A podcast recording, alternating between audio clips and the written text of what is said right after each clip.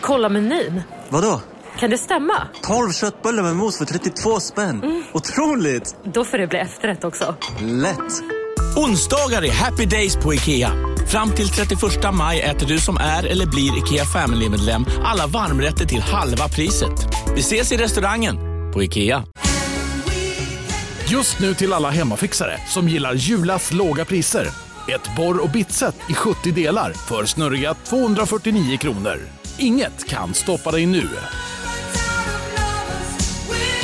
Välkommen till Unionen. Jo, jag undrar hur många semesterdagar jag har som projektanställd och vad gör jag om jag inte får något semestertillägg? Påverkar det inkomstförsäkringen? För jag har blivit varslad, till skillnad från min kollega som ofta kör teknik på möten och dessutom har högre lön trots samma tjänst. Vad gör jag nu? Okej, vi tar det från början. Jobbigt på jobbet. Som medlem i Unionen kan du alltid prata med våra rådgivare.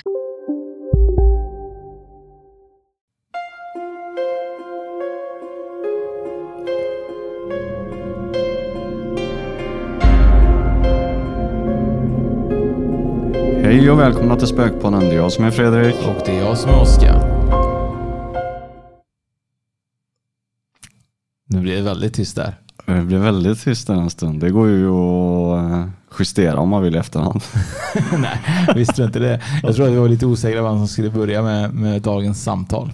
Ja, vi var lite grann det. Nu har vi suttit här med och försökt och pillat, grejat och mojat med den här eh, roadcastern. Och eh, jag hoppas att det ska bli lite bättre nu. Nu är det så också att vi har ju valt att spela in några tidigare avsnitt har vi inte spelat heller på plats som vi hade önskat. Det har ju varit lite ljud och det har varit lite annat. Du har varit sjuk och jag har varit sjuk. Och... Ja, det, jag kommer inte ihåg när senast vi spelade in fysiskt tillsammans. Nej, jag kan inte minnas att jag satt dig. Vem är du egentligen? Nu är det ju helt plötsligt ett nytt år. Det går ju väldigt fort år efter år. Vi hade ju med Tanja i förra avsnittet som pratade lite grann om eh, planetära händelser och lite vad man kanske kan förvänta sig 2022. Ju. Ja, och de här mån... Ritualerna. Ritualerna och månpositioner. Och det var mycket tvåor, en massa datum också. Mm. Allt det där finns ju att läsa på vår hemsida också om man vill ju. Det ligger där under eh, henne, om man kommer in på hemsidan så står det faktiskt klicka här så kan man läsa allting hon sa där om hur allting ligger till. Mm. Men, men det här vi, jag skulle komma fram till var ju egentligen att det är ett helt nytt år och eh, vi har ju som är sett till att ha en lokal nu framöver. Ja, vi har fixat en lokal. Och det ska bli så himla roligt och vi får ju tillgång till den ganska så snart här och vi ska möblera och trycka upp green screen och fixa i ordning en, en studiohörna och verkligen eh, försöka lyfta eh, dels podden och sen allt runt omkring. Eh, ja. Jobba mer med Youtube-kanalen, jobba lite mer med få igång så att eh, med Patreon och våra paranormala äventyr. Och... Vi ligger ju lite efter med allting. Det är ju egentligen mycket på grund av att vi har ju också ett privatliv. Och, eh, ja, och men det, det, vi, har, vi har inte haft någon lokal. Vi har ingen lokal. Nej, jag vet. Men nu har vi lokal. Vi det. Men, men det är just det som är viktigt också. att man vill man att Spökpodden ska fortsätta leverera och göra saker och göra kanske lite mer så här paranormala äventyr. Kanske åka på lite hemsökta platser och hemsökta slott och åka till lite mer mystiska platser så behöver man ju också se till att bidra. För vi vet ju till exempel, vi har ju knappt någon reklam på våran podd någonsin. Förutom våra egna grejer som vi försöker få folk att göra.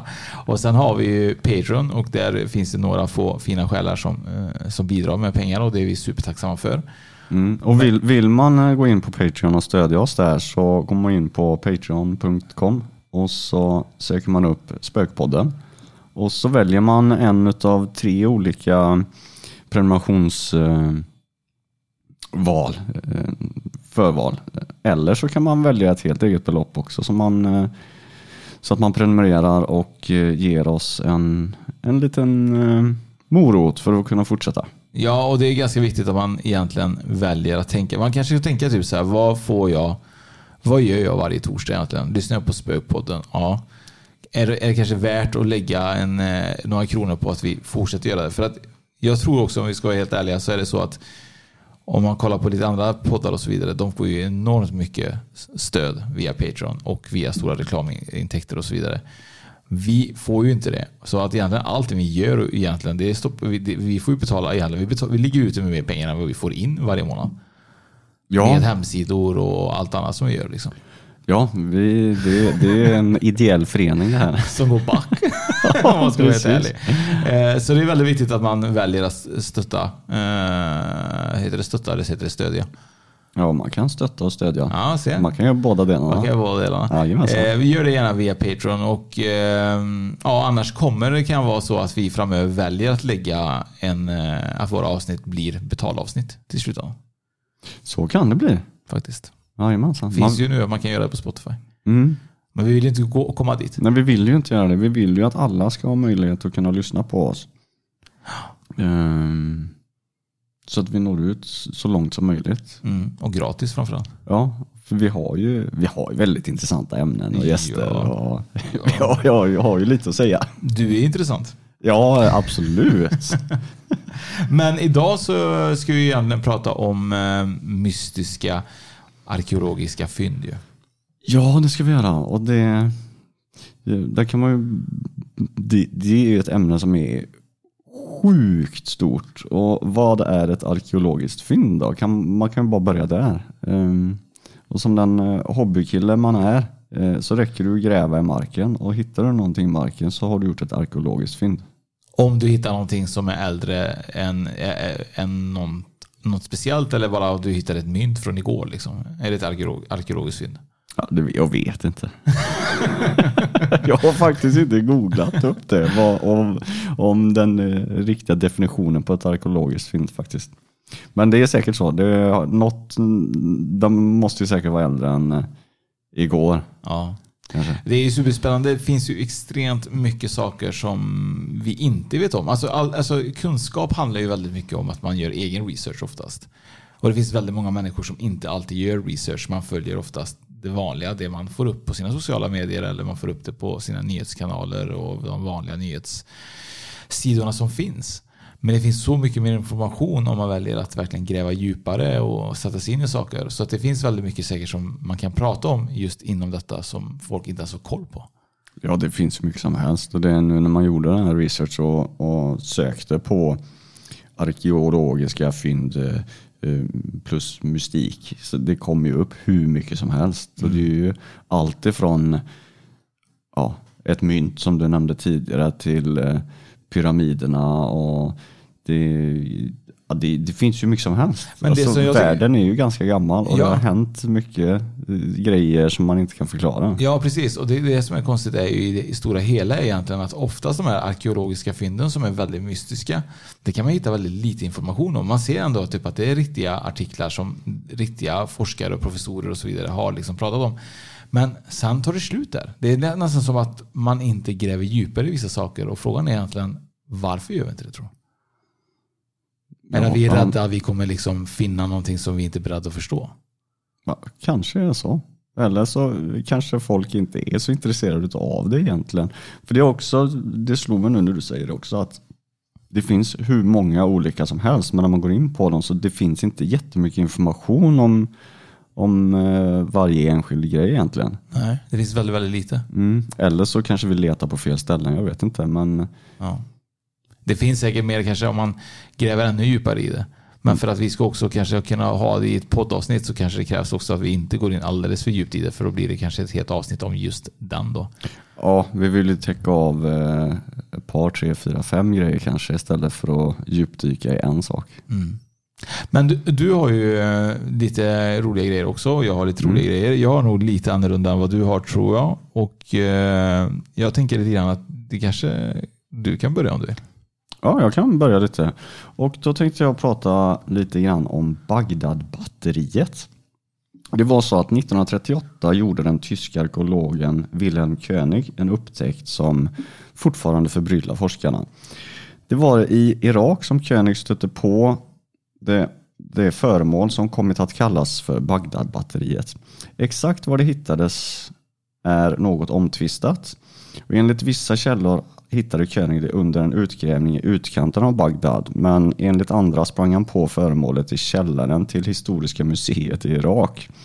Hur som helst var föremålet ett lerkärl som innehöll en kopparcylinder med en järnstång i mitten. Man såg också tecken på att krukan innehållit någon form av sur vätska som vinäger eller ättika, vilket skulle ha kunnat fungera som elektrolyt. Senare hittade König flera liknande föremål som påträffades vid tidigare utgrävningar och arkiverats på museet i Berlin. Men andra världskriget bröt ut och det var först efter krigsslutet som forskare och arkeologer återkom, eh, återigen började visa intresse för det märkliga fyndet. Det har också varit omtvistat hur gammalt Bagdadbatteriet egentligen är.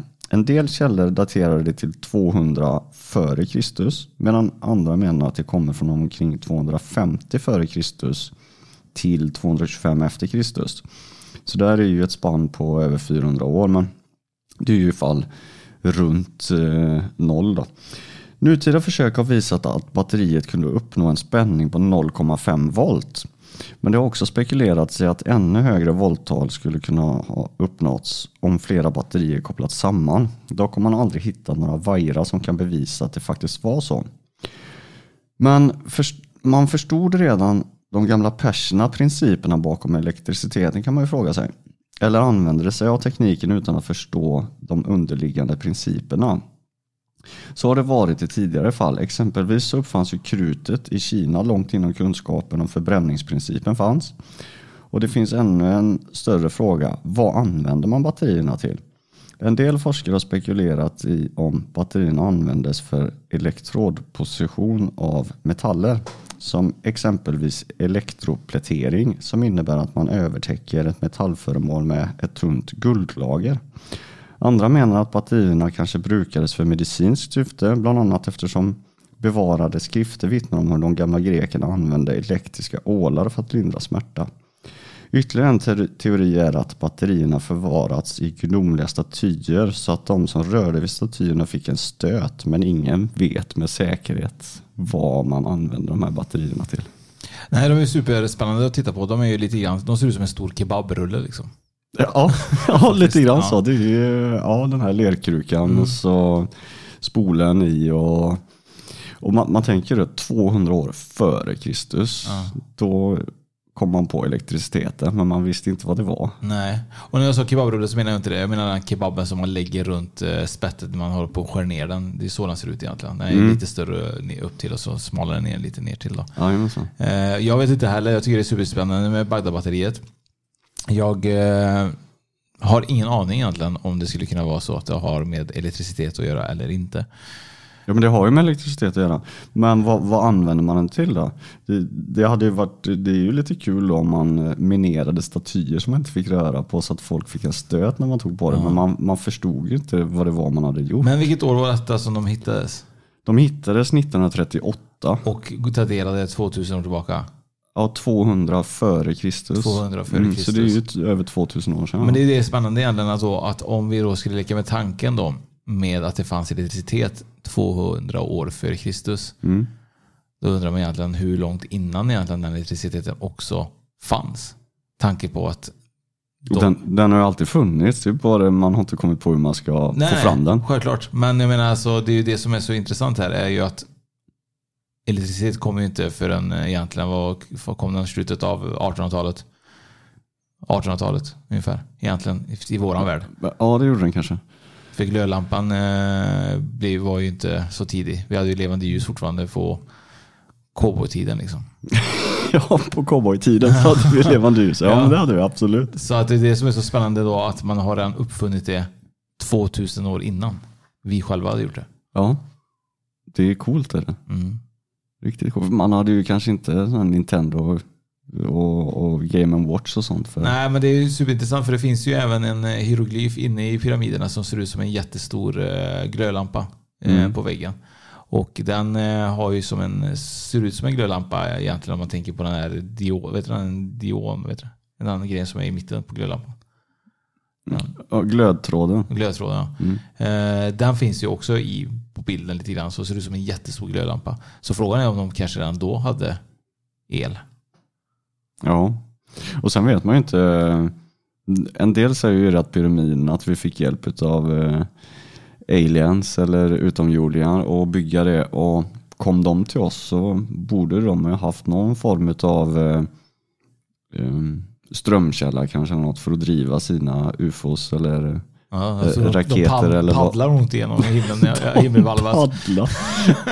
Nej men de körde med sån här, eh, vad heter det när man eh, startar på ett ställe så dyker man upp på ett annat. Teleportera sig menar? Teleportering ja. Ja. Det kanske var. Men det behöv, behövs ju energi för att fixa en teleportering också i och för sig. Mm. Ja, det finns mycket grejer. Men du har ju också lite grann om pyramider också va? Mm. Men eh, det som jag tänkte, vi kan ju ta lite var då. Mm. Alltså det finns ju någonting jag tycker är superintressant med att, att, vet du, Atacama, eh, fossilen eller skelettet som hittades i, i Chile eh, 2003 då på en, i en så här öde plats i Chile. Då. Jag vet inte om du har sett det någon gång, om du har hört talas om den här fossilen? Det är typ en mänsklig fossil. Den är väldigt, väldigt liten. Den ser ut så här nämligen. Jag ska visa bild på den. Den kan ni se på vår Instagram också. Ja men det ser ut som en liten alien ju. Ja, den ser ut som en alien. Den är bara 15 centimeter lång.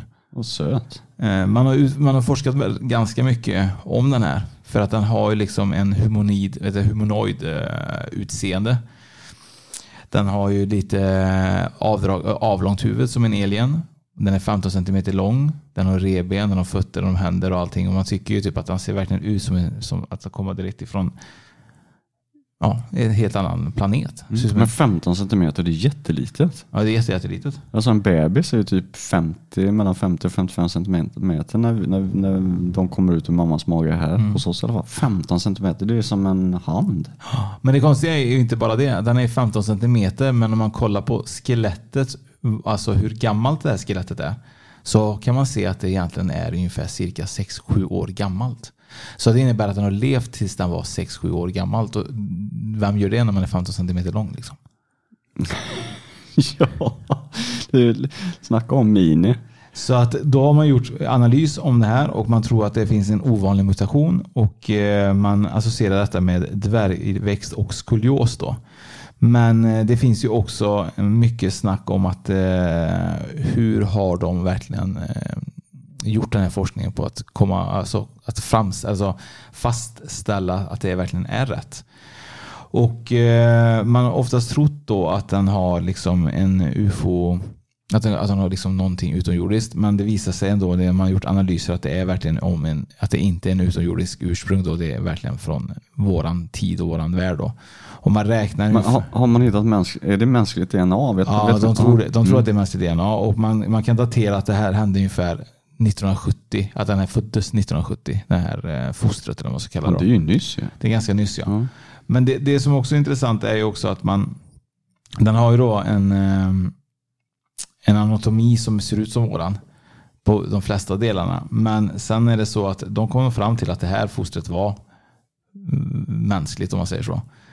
Man vet inte om det kanske hade liksom föråldrats i magen på kvinnan eller vet, mm, innan den föddes och den hade haft den här eh, sjukdomen som kanske åldras äldre snabbare än vad många andra gör. Har du sett de där barnen? Mm. Ja, jajamensan. Eh, Det kan ju vara något sånt. Men det som är väldigt konstigt är också att den hittas liksom bara mystiskt i, på en ödeplats i Chile. Jag menar, åker och föder den ute i, i ödemarken känns ju också väldigt skumt. Eh, och sen då har man då tagit reda på typ så här att det här kan ju, hur har ni forskat att det verkligen är mänskligt? Och då var det så att en efterföljande internationellt forskarlag då, ledd av eh, bioarkeologen i, i universitet i Otago Docent, eh, inte riktigt exakt var det ligger. Eh, de, de ifrågasatte den här studien och då visade det sig faktiskt att de som hade gjort studien kom ut och eh, sa att eh, och gav ett svar då och erkände då de etiska farhågorna och uppmanade till repatriering av eh, kvarlevorna. Och repatriering är ju om man fraktar oftast lik eller inte mellan olika forskare. Då. Men de hade bara fått egentligen, de som hade typ konstaterat att man hade att konstatera att det var mänskligt hade bara fått, alltså, nu ska jag säga till dig, det är sjukt alltså. De hade fått alltså en mikro, en kubikmillimeter ben att analysera bara. Så de fick ju inte hela eh, de här, hela de här 15 centimeterna av den här humanoiden, eller man ska kalla den. En kubikmillimeter, det är ingenting. Ja, det är ingenting. Nej. Så att då gick de ut och erkände typ så här att vi kan egentligen inte konstatera till 100% att vi har gjort rätt för att vi har ju inte fått hela den här eh, Nej, bara en kubikmillimeter, det är ju ingenting. Alltså det, ser man det med blotta ögat? Ja, det är frågan alltså. Men den är superspännande. Du såg ju bild på den. Mm. in på vår Instagram. Ni kommer ju se det på vår cover där. Den kommer vara bland annat i någon av de bilderna. Och den här då, för min, i mina ögon känns den typ extremt weird. Ja. Den, den, jag, tyckte, den var ju lite söt. Ja, den är Ja. jättesöt. Tänk att ha en sån. Det är ju som att ha lite så här. Alla skulle ha en mini. En, En, en, minimänniska på 15 centimeter. Men det är ju, ja det är det alltså. För det är inte så att för den har levt i 6-7 år. Det för, var- för den kan den ju, visar i alla fall. För den kan ju inte, den kan inte, och i och med att den har vuxit. För den kan ju inte ha legat i, en, i, i någons mage i 6-7 år. Nej, nej. Kan det ha varit så? Nej, nej, nej. Så har det inte varit. Den, den, de vet bara typ att den, alltså om man utgår från liksom hur kroppen eh, bildas, liksom, hur kroppsorgan eller de här eh, grejerna, Mm. så ser de att det, är, eh, det de har hittat i alla fall har levt tills den var 6-7 år gammal. Ja. ja riktigt spännande. Ja, så, alltså, få, alltså, läs gärna mer själva om det för att det är superintressant om man är intresserad av att eh, hitta mystiska arkeologiska fynd. Alltså. Ja. Skitcoolt är det ju. Verkligen. Ehm. ja, men känner du dig klar med, med, Ja, med alltså, humanoider? det finns ju mycket att prata om egentligen, men man vill ju egentligen underlätta för, för lyssnarna. För att det är väldigt mycket eh, forskarsnack och det kan inte ens jag. Nej. DNA Eller- och eh, DNA vet jag, men sen finns det ju massa, massa typ så här DNA DNA-snack, liksom med hög kvalitet DNA och bla bla bla. Och det, så här. Ja. Eh, Vi håller det till en vanlig. Ja, nivå. till, till Svensson-nivå så Ja. att eh, vi vet vad vi pratar om. Precis, Ja. så ingen skäller ut oss. sen. Eller hur? Som eh, till exempel att vi inte hade koll på, vet du det? Han, eh, Tarek. Tarek ja. Det var, Ja. vi fick vi en liten eh, skar, eh, slag på näsan att vi sa att han var konditor men eh, Han var krögare. och, Ja, och, och kock. Kröger och kock. och vi ja. hade ju dåliga kunskaper. Men Ja. ja, ja vi, vi tackar för den med. Ja, all precis. är bra. Ja, ja, det var ju ett jättefint omdöme vi fick där som alltid kommer ligga kvar. Ja. Fantastiskt. Och, eh, ja, men det är klart, alltså, man, man får ju tycka olika. Ja, Vi, vi har ju, saken är också att veta är typ att när vi har våra vanliga avsnitt till exempel Fredrik. Mm. Där vi pratar om allt möjligt så dyker det upp ett ämne som vi kanske inte ens vet, så här, vi har stor koll på men vi pratar om det. Ja, ja. Det innebär ju inte att vi har kunskap så vi säger ju också tydligt i avsnittet att vi, ja, vi vet inte riktigt vad han gör. Jag tror att han är typ bagare. eller något. Mm. Jag menar, vi säger ju inte att vi vet att han är bagare. Vi, vi, vi tror att han är bagare. Ja. Så att, eh, jag vet inte riktigt varför vi fick så. Men han håller på med mat i alla fall. Ja. Ja. Och han, har se, han har gjort massa efterrätter. Det Ja. såg jag nu på, vad heter det programmet? På slottet heter det va? Ja, se. Han Ja. bakar. Ja, där bakar han efterrätter. Ja, fantastiskt. Eller man kanske inte bakar efterrätt, man lagar efterrätt. För, ja, snart får vi dålig recension igen. Ja, ursäkta. Ja, nej, Ja. men eh, man, självklart man ska ju ge recensioner efter det. Men Mm. man behöver inte ge recensioner för att vi inte vet vem Tarek extra, är, är, vad han extra knäcker som. Ja, Nej, precis. Ja. Eh, tack. Ja, tack för det. Men eh, då tänker jag att eh, jag ska gå vidare med något som kallas för Döda havsrullarna. Lät det som sushi eller? Sushi ja. ja nej. Eh, Eller kanske. Vi får se. Ehm, då är det så att eh, forskare från Uppsala universitet har tillsammans med kollegor i Israel lyckats utvinna DNA ur de över 2000 år gamla Döda havsrullarna.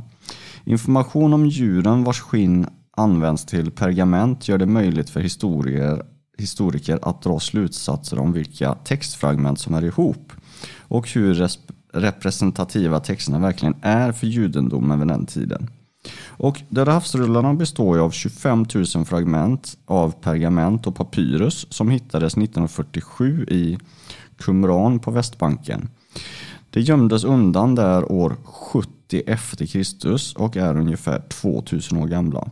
Det är judiskt religiösa texter och omfattar bland annat de allra tidigaste bevarade bibliska texterna. Eh, ja, som sagt då. Eh, och det är ju eh, eh, fantastiskt att vi har kunnat utvinna DNA ur det här material, materialet. Eh, de djurhudarna har bearbetats till pergament, förvarats i ett torrt och varmt klimat i flera tusen år och sedan hanterats av människor igen när de återfunnits. Normalt hade man inte förväntat sig att det ska finnas DNA kvar på de här fragmenten, säger Mattias Jakobsson. Han är professor i genetik vid Uppsala universitet. Då. Eh, den där havsrullarna hittas ju, som jag sa, 1947 på Västbanken där de gömdes eh, bort. Eh, och eh, om vi går eh, lite längre fram här då så eh, grejen med de här döda havsrullarna är ju att det är Bibeln och mycket av judendomen som, som ligger i den historien. Vad jag vet om döds, äh, vet de, eh, Döda havsrullarna. det är egentligen att de har hittats egentligen i en lerkruka eh, i ett i vet du, Quantum eller Quantum eller vad heter det, i, eh, i Israel. Qumran ja, Ja, på och- Västbanken. Ja, precis. Och eh, det jag vet så mycket om är ju att det här är liksom skrivet delar från testamentet. Och man vet inte riktigt varför de ligger där. Tanke på att eh, det var egentligen ingen riktig kristendom på den tiden i det området. Det man vet är ju oftast att, eh, att i, vad heter det, Quantum, så det så?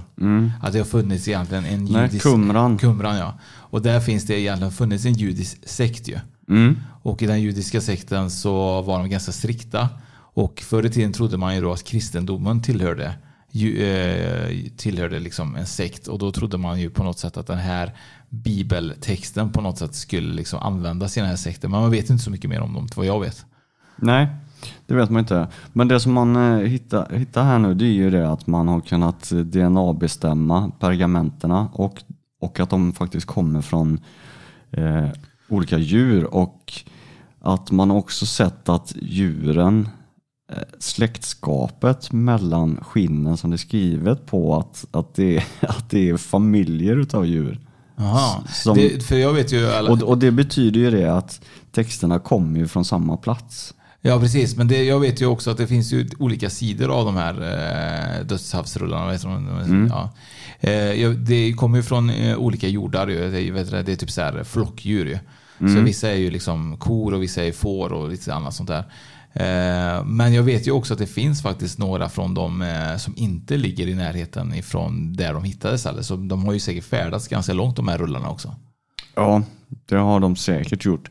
Ehm, Jag är ingen expert på Döda Nej, havsrullarna. det är inte jag heller. Eh, Det som jag tycker är lite intressant är just det här med att dels så, som du sa, att man hittar dem i lerkrukor och att man har kommit fram till att det är en sekt Ja. som låg bakom en ganska liten sekt. Och sen att eh, Ja, jag ska inte säga att hela judendomen bygger på Döda havsrullarna, för det gör den ju inte. Men, men att det finns bibliska eh, utskrift i de här rullarna.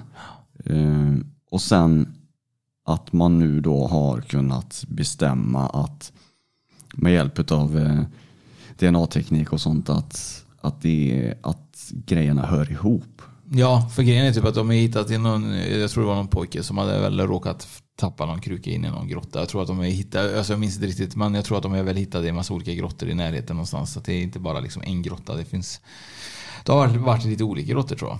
I närheten av varandra, av varandra när de har hittats. Så det, är- menar, det är mycket sånt som vi förmodligen ligger fortfarande eh, där ute än idag som inte vi vet om.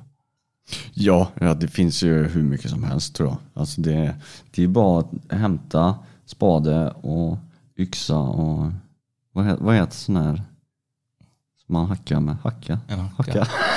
Hacka. Och så ut och leta. Men det, men det är ju lite intressant om man, om, om man ska vara arkeolog. Var ska man vara någonstans då egentligen? För det känns ju lite som att eh, här i Norden då, Sverige, Norge, eh, Danmark och ja, det är ju Finland också för den delen. Men vad har vi här som kan vara intressant? Det är väl kanske vikingatiden och sånt då. Men annars så, så vill man ju ner till typ Västbanken eller runt ekvatorn och allt sånt. Det är där det känns som att allt har hänt. Ja, men sen finns- tror jag faktiskt att eh, jag tror egentligen så tror jag att det finns eh, det är det jag kommer komma fram till sen eh, i avrundan med, med lite text där. Jag tror faktiskt att det är lite så att det finns betydligt mycket mer än vad vi vet om egentligen. Och jag menar bara för vi har haft vikingar som vi vet om så vet vi inte vad som hände för två miljoner år sedan. Liksom. Eller tre miljoner år sedan eller fem miljoner år sedan. Hej, Synoptik här. Visste du att solens UV-strålar kan vara skadliga och åldra dina ögon i förtid? Kom in till oss så hjälper vi dig att hitta rätt solglasögon som skyddar dina ögon. Välkommen till Synoptik. Dåliga vibrationer är att skära av sig tummen i köket. Ja! Bra vibrationer är att du har en tumme till och kan scrolla vidare. Alla abonnemang för 20 kronor i månaden i fyra månader. Vimla! Mobiloperatören med bra vibrationer. Upptäck hyllade XPeng G9 och P7 hos Bilia. Våra produktspecialister hjälper dig att hitta rätt modell för just dig. Boka din provkörning på bilia.se xpeng redan idag. Välkommen till Bilia, din specialist på XPeng. 100 miljoner år sedan, 1000 miljoner år sedan. Jag menar, vi har ju funnits i flera miljarder år här egentligen när det gäller liksom själva planeten. Mm. Så jag menar, dinosaurierna eh, fanns för 250 miljoner år sedan. De dog ut bara för 65 miljoner år sedan. Så jag menar, vad hände innan egentligen? Vad vi inte vet om. Liksom. Vi vet ju ingenting. Nej, vi vet ju egentligen ingenting. Det, det vet vi. Att ja, vi men inte vet vet ingenting. Liksom. Ja. Så jag, jag ska samla ihop lite grejer sen som du kommer bli så här, jaha shit, hur går det här ihop? Liksom. Eh, så att jag tror att du, du har lite om pyramiderna också eller? Ja, jag har lite sån här... ehm, det, det finns ju hur mycket som helst om pyramiderna. Och jag ska inte grotta ner mig i det, utan jag ska bara ta lite såna här grejer som man kanske inte visste. Mm. Mm. Eh, Så vi kör lite då. Eh, Det vi kan säga är ju att pyramiderna i Giza i Egypten omfattar, omfattar totalt nio pyramider. Som alla är belägna på Giza-platån i governmentet Giza i den norra delen av landet. 14 kilometer sydväst om huvudstaden i Kairo. De tre största och bäst bevarade pyramiderna är uppkallade efter faraonerna Keops, Chefren och Menkaura. Men de sex andra pyramiderna har också förblivit namnlösa. Tillsammans med Sfinxen som även ligger i området är pyramiderna några av världens mest berömda byggnadsverk. Och eh, en grej, eh, sak nummer ett. Antagligen så var det regnskog där innan man byggde pyramiderna. Mm. Så att man tror att man har skövlat allting för att få plats till att bygga pyramiderna. Och det känns ju lite som att, för de ligger ju mitt ute i öknen verkligen. Ja, jag vet. Jag kollade på en dokumentär om just det. Och Mm. om man kollar egentligen vad, hur det såg ut på den tiden så kan det varit så att pyramiden egentligen var närmare flod, en flod som ska egentligen kunna passera där. Mm. Så man tror ju egentligen att det kanske inte såg ut likadant ut som det gör idag ju. Nej, det gör det ju inte. Så att eh, det kan ju lika gärna varit så att den var betydligt mycket närmare vatten än vad vi ser Ja. idag. Absolut.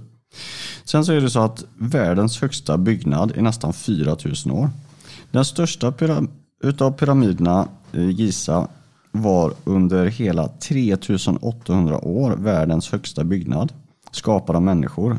Pyramiden sträcker sig hela 99 meter över havet, vilket på den tiden var en enorm komplicerad bedrift att konstruera. Pyramidens ursprungliga höjd var 146,5 meter, men på grund av 3008 års erosion som orsakas av naturliga element som regn och vind har pyramiden förlorat en del av sin höjd från toppen och idag är den bara 138,8 meter hög. Det är inte dåligt att det har Nej. varit världens högsta byggnadsverk i 4000 år. Ja, helt jävla Ja. sinnessjukt ändå. Coolt. Ja. Eh, sen så från botten till toppen så krävs det att man tar 203 steg. Om du idag skulle få för dig att vandra upp till toppen av pyramiden Keops så skulle du behöva ta hela 203 steg. Eller ja, ganska rejäla steg i och för sig. För de är ju höga. Varje Och så är det parkour. Ja, ja, eller hur? Det kunde man träna där. Fast det är bättre att hoppa och gå uppifrån och ner. Det var mycket Ja, enklare. men du måste ju ändå upp om vi inte tar helikopter upp. Ja, vi kör helikopter. eh, och bara på pyramiden Keops så användes cirka 144 000 stenblock. I princip samtliga stenar hade en tjocklek på hela 2,5 meter. Då kanske du förstår vad vi menar med rejäla steg för att ta sig upp till toppen. Så det är alltså 203 2,5 meters steg. Shit alltså. Ja. Men det är, super- alltså jag, pyramider, jag har alltid varit. Jag, alltid, jag tror jag pratat om det flera gånger. Jag tycker det är super, superintressant. Jag, eh, tycker som är intressant att vi fortfarande än idag inte riktigt kan. Vi, vi kan bara, först snackar vi om slavar, sen snackar vi om att det inte är slavar och sen kommer man på ett sätt hur man kunde ha gjort det för att det är egentligen det mest logiska men det finns inga bevis på att det var så. Jag tycker det är så, så jävla konstigt Ja. att det inte finns några bevis alls hur man bygger, upp, bygger dessa fantastiska pyramider.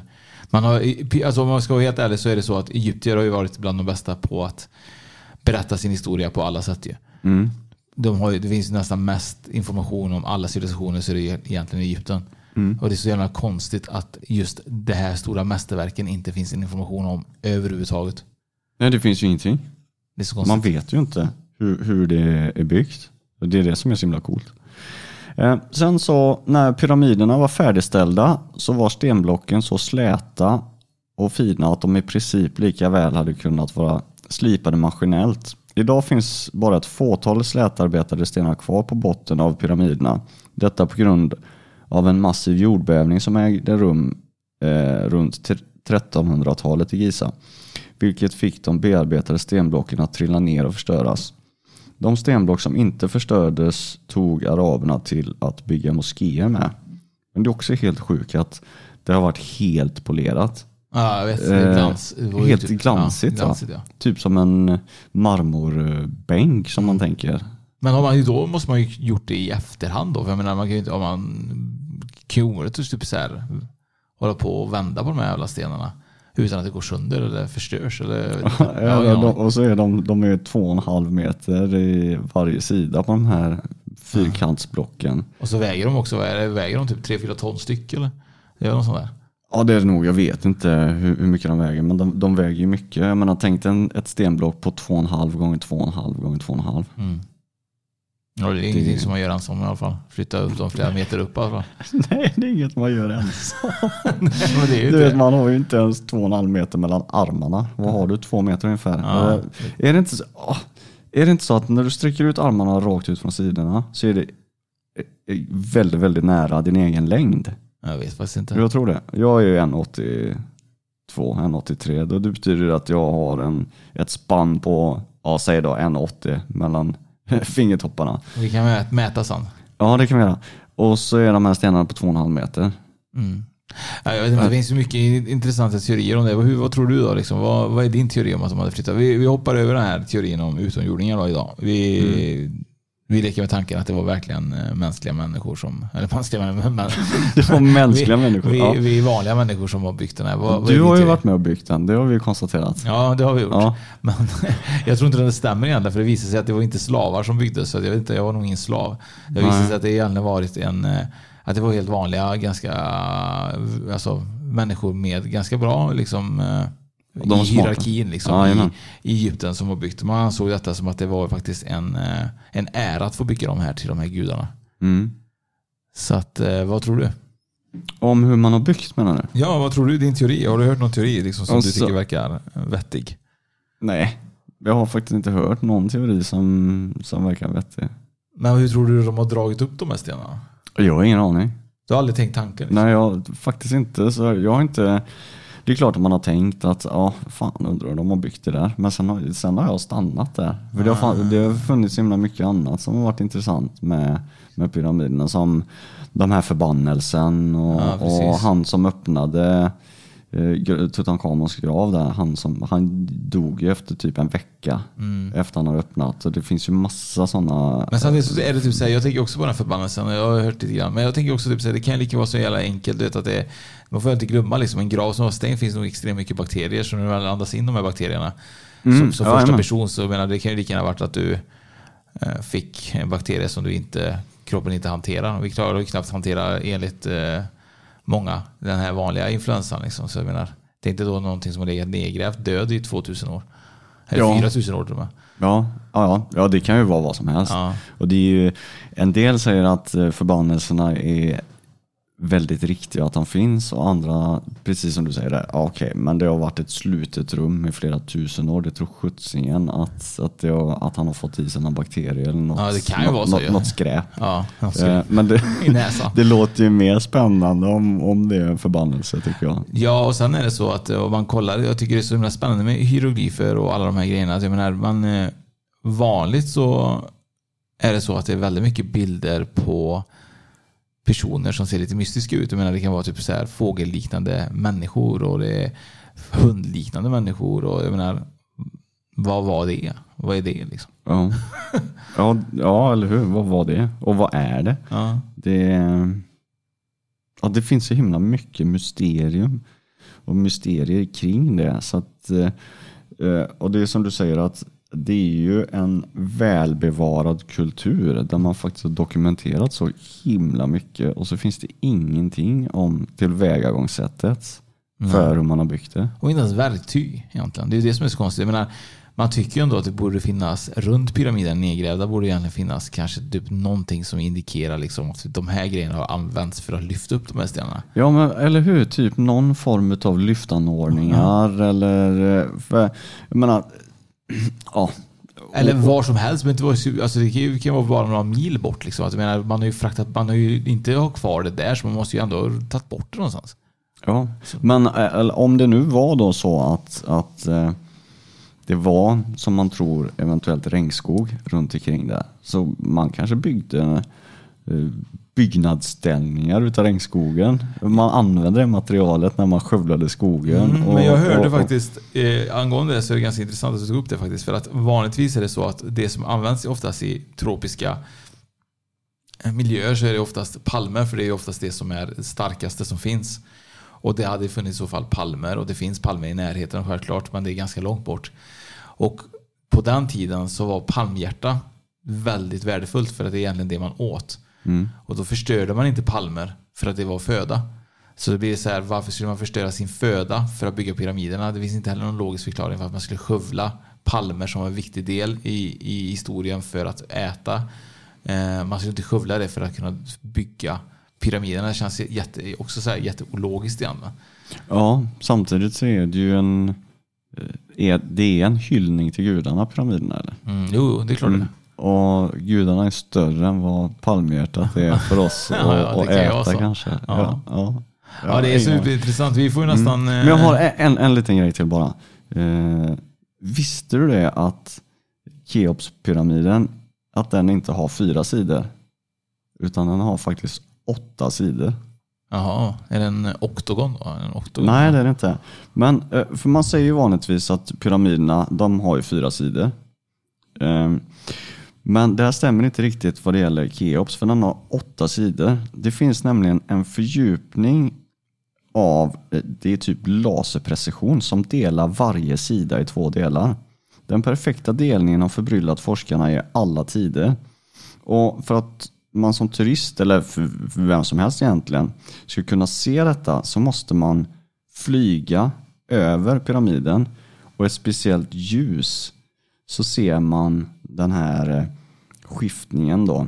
Att eh, det är, varje sida är egentligen två sidor. Ja, coolt. Ja, men det, det, det är ja, med kirurgisk precision som det går rätt Ja. igenom och man ser det bara ett visst ljus för att det är så en liten skillnad.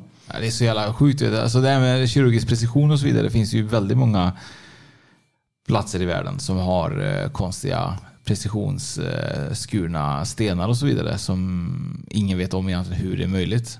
Som inte ens vi klarar av knappt idag med våran teknik. Ja. Så jag menar att eh, bara pyramiderna är verkligen så sjukt symmetriska och de har hållit fortfarande än idag i allt slags väder. Det är ju helt jävla galet. Ja, och de är ju så enorma. Det hade varit en sak om det hade varit något byggnadsverk på, säg att det var fem meter högt eller Ja. någonting. Då hade man kunnat få till precisionen. Men jag menar, det, vi kom ju fram till det här att det var över 140 meter högt. Det är helt sjukt. Ja.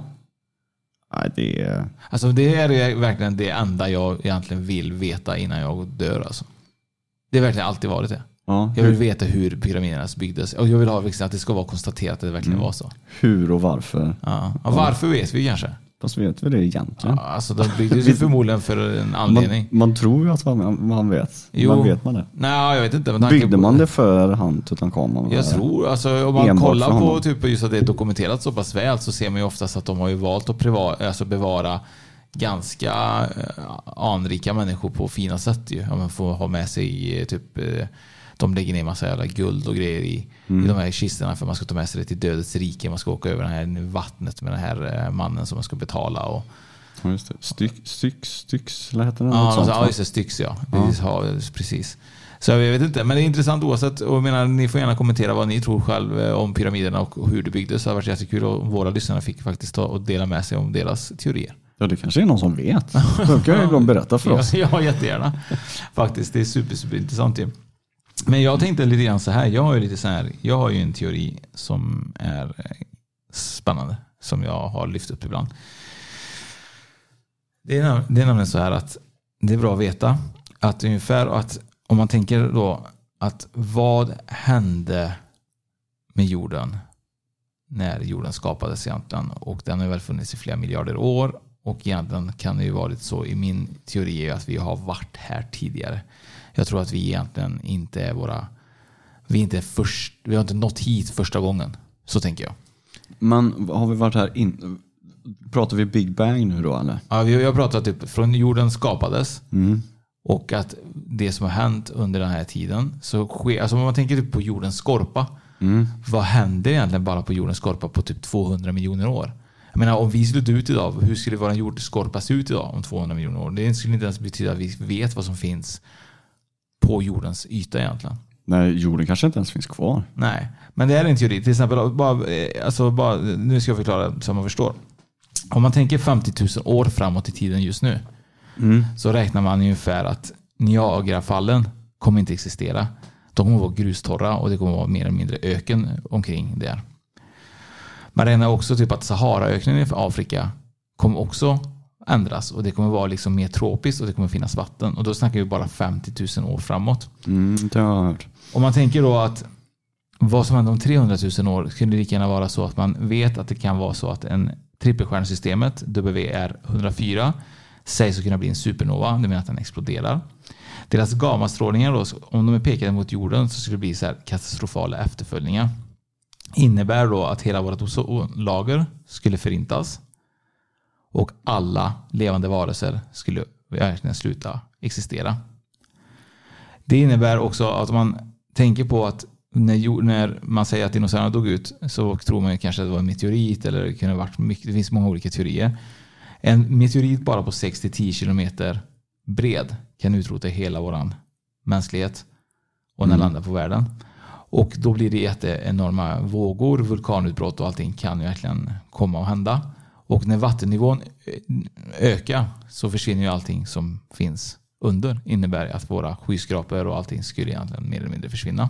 Det blir nytt Atlantis. Ja, och man tänker då att vår högsta topp är fortfarande lägre än vårt djupaste vatten. Och att vi bara vet 5% om våra djupaste vatten. Eller 5% av havet allmänt. Så vet vi egentligen inte vad som finns där under. Jag menar, det finns ju civilisationer under vattenytan som vi vet om ju. Mm. Från våra tider. Men vad finns det mer under där? Och vad hände egentligen när våran liksom, värld har ju gått, jag menar, vissa, vissa länder och vissa världsdelar har ju suttit ihop egentligen. Vad har hänt medan vi verkligen gick isär? Menar, vad finns det egentligen mer än vad vi vet? Och det som är intressant med detta är att jag tror det är ju på grund av att man har hittat arkeologiska fynd som är daterade väldigt underligt till vad vi vet idag, vad vi tror när mänskligheten började. Vet du ungefär när man räknar med typ att mänskligheten, eh, evolutionen skapades för från apa till människa? Vet du det? Nej. Eh, Jag måste andas ibland. Eh, Man räknar med ungefär att man 6-7 miljoner år börjar evolutionen av, av, av mänskligheten.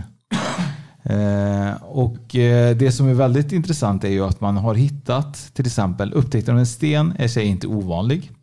Men tre metallstiften som sticker ut är den är, är, är, en- är, en- ja, nu ser jag det. det finns en sten med tre metallstift i som är gjord av tre olika metaller. Och eh, den hittas av John Williams och det föremålet eh, hittas i ett lantligt område. Och den har någon slags elektrisk ledare i den här då.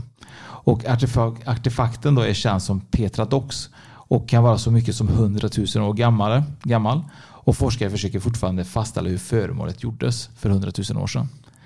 Eh, nästa är att man har hittat metallfjädrar, öglor, spiraler och andra metallföremål hittas i ett lager av 100 000 år gammalt sediment. Föremål kunde vara mellan 20 000 till 100 000 år gamla. Men man började arbeta med metall först för 9 000 år sedan. Så det innebär liksom, hur har det här möjligt skapats? Det ser ut som vanliga sängfjädrar i metall. Så jag menar, om vi börjar med metall för 9000 år sedan, hur kommer det sig typ att vi kan hitta metall som är mellan 20 till 100 000 år? Det är det superintressant som är också inte gjort som, det är inte vanligt liksom. Eh, man har också hittat ett mänskligt handavtryck inuti en kalksten som uppskattas vara 110 miljoner år gammalt. 110 miljoner år. Och då sa jag Mm. precis innan att mänsklighetens evolution började för cirka till mellan 7 till 6 års, miljoner år sedan. 6 miljoner ja. Eh, hur kan man då hitta ett handavtryck som är över 110 miljoner år gammalt? Ja, det går ju inte. Det är ju väldigt underligt. Eh, man har också i London upptäckt mellan eh, antingen 1934 eller 1936, jag är lite osäker var, eh, eller när. Och det var ett par som var ute på promenad. Under sin promenad lade de märke till en sten med en träbit som sticker ut från sin kärna. De tog hem stenen, slog upp den och hittade en primitiv hammare inuti den här stenen. Då. Ett team av arkeologer upptäckte, undersökte fyndet och fastställde att berget var över 400 miljoner år gammalt. Så då hur har den här hammaren hamnat i en 400 miljoner år gammal kalksten? Ja, det, ehm, det kan man fråga sig. Sen har vi nästa och då har man faktiskt hittat att eftersom människor absolut inte är metallarbetare för många år tillbaka eh, så är det så att man har hittat eh, i en, alltså man har hittat alltså ett metall, i metallrör som grävdes ut från en kalksten i Frankrike.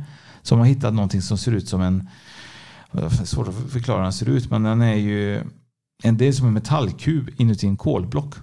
Och eh, man kan kolla bilder på den faktiskt. Och eh, den är innanför, den är alltså, den ser verkligen handmade, den är verkligen speciell alltså. Och den är daterad till 65 miljoner år sedan. Så då frågan är, hur har man hittat en, en, eh, en metallkub i, som ser ut som en halvväggformad metallrör ur en kalksten som är 65 miljoner år gammal?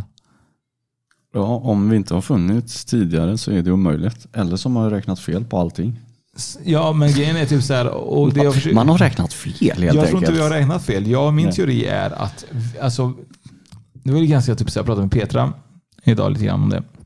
Hon sa till exempel att tänk då om ozonlagret, säg nu den här supernovan hade krossat vårt ozonlager och det tar flera tusen år egentligen att återskapa det vi har idag bara för att vi ska kunna andas.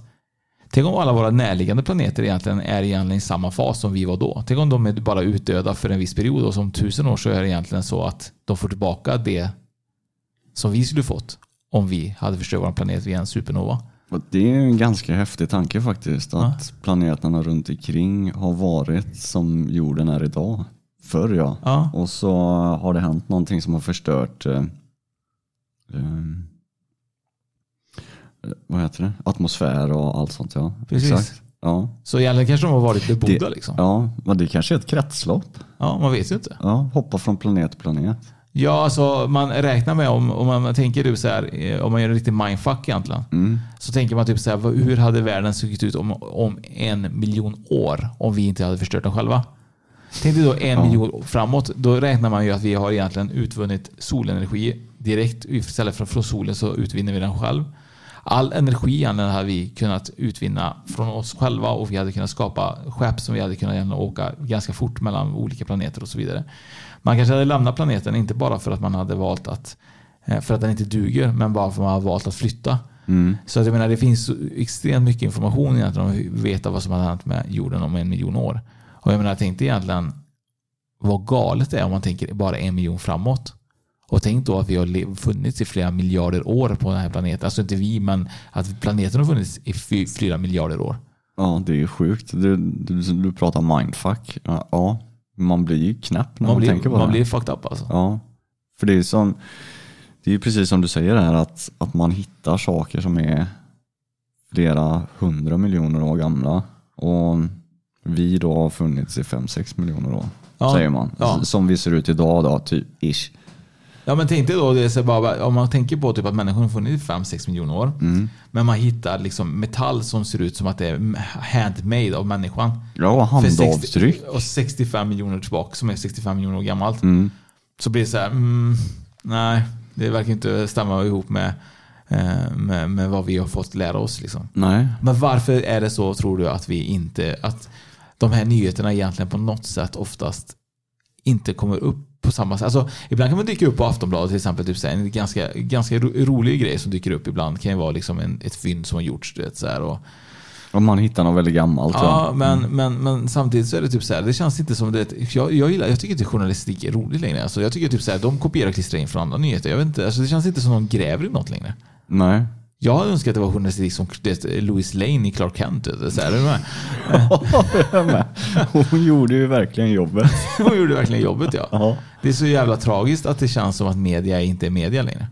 Ja, nej, för allting ska vara så tillrättalagt på något vis. Mm. Och eh, ja, jag vet inte hur, hur, hur man ska förklara det riktigt. Men ja, jag, Jag, tror med. man Det- vet vad man ska förklara men man vill inte lyfta upp det riktigt kanske så. Man, Nej. Det kan finnas, nej precis. Mm, mm. Och, och det är det som är så himla tråkigt för att eh, jag tror att det finns väldigt mycket information att hämta egentligen om, inte, om det inte hade varit så att, Ja, det för- är för- lite mer styrt liksom. Ja, för sen att, att människor inte är egentligen mer intresserade utav vart vi, det kanske är ointressant var vi kommer ifrån då. Tycker folk det? Jag tycker ju sånt här är Ja. sjukt spännande och intressant och man vill bara veta mer.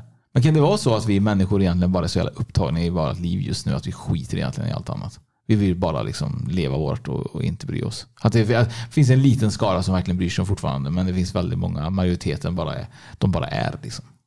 Ja, kanske man, man, man ska väl kanske inte gå ut och säga att eh, alla bara är, men, men det finns ju ett eh, Ja, men faktiskt lite grann så om man ser på hur det ser ut. Alltså det räcker ju bara att gå tillbaka till när vi var yngre. Eh, Jag tyckte det var helt annorlunda då.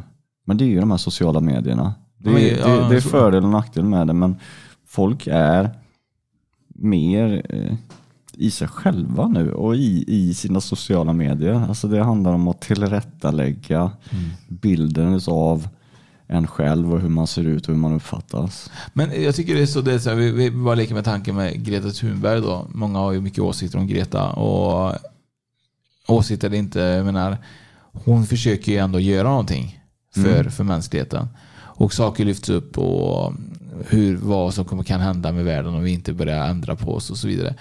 Och jag får nog bara säga typ så här, jag, bara, jag kan se bara på mina barn och så vidare, den generationen börjar bli lite mer vettigare. Och vi fortfarande som är äldre, vi försöker inte, liksom, vi försöker inte ens ändra på oss. Nej, det är ingen idé. Nej men det är så tra- tragiskt. Menar, ja. menar, hon pratar med politiker och de, eh, de, vad gör de oftast? De, eh, de lyfter på axlarna och säger du så här, "In- inte så mycket mer. Och så, menar, sen händer det ju saker som vi, vi i Sverige, vi har väl avvecklat eh, kärnkraft eh, och, och så vidare. Men så blir det de här problematiken då som inte de har räknat med att det blir jävligt dyrt med el helt plötsligt. Det, helt plötsligt så blev det väldigt dyrt med Ja, el i år. Ja, ja, ja. verkligen. Eh, Så att eh, det finns ju för och nackdelar med det med. Men, men, jag- men jag tror oftast att vi människor måste öppna upp, ögonen själva egentligen. Mm. Och vi måste verkligen säga, jag, jag tycker det är så tragiskt att varje dag jag läser nyheterna så är det typ att någon som har blivit skjuten, över säkert mycket kriminalitet och så vidare. Men jag menar, det känns ju inte som mänskligheten har liksom, människan är inte värd någonting längre. Ja, på den biten så har vi inte utvecklats någonting. Nej. Överhuvudtaget. Nej, bara förvärrats. Ja. Eh, Och jag vet det att eh, man blir ju lite mer sån att alltså, är det lönt att, att läsa nyheter längre och se på alla nyhetsprogram? Ja, jag har dratt ner eh, på det. För att det är så jäkla mycket elände bara. Det, kan, kunde man inte bara börja rapportera lite bra saker som händer eller? Jo, det har jag tänkt jättelänge på varför gör man inte det. Jag, jag förstår ju det, men samtidigt så är det så också att man, jag tycker också att man jag tycker det är så tråkigt när man läser, när man lyfter upp, man går in på olika nyhetssajter och, och, och texten är mer eller mindre exakt samma. Mm. Och man blir såhär, men hallå, har du, vem har du kopierat av liksom? Jobbar ni i samma tidning allihopa eller vad är grejen liksom? Jag menar, det var ingen som vinklar någonting. Nej, och vad är källan egentligen? Ja, och vad är källan egentligen? Ja. Ja, men med det sagt så hoppas jag verkligen att vi, att vi på något sätt eh, får eh, folk att öppna upp sina egna ögon inom liksom arkeologiska fynd eller om framtida fynd eller vad det kan vara. Eh, det har varit superspännande ju. Eller hur? Verkligen. Och med det så tackar vi för oss. Tack så mycket. Finns det något bättre än riktigt gott färskmalet kaffe på morgonen? Det skulle väl vara en McToast med rökt skinka och smältost. Och nu får du båda för bara 30 kronor. Välkommen till McDonalds. Hej, Susanne Axel här. När du gör som jag och listar dig på en av Krys vårdcentraler får du en fast läkarkontakt som kan din sjukdomshistoria.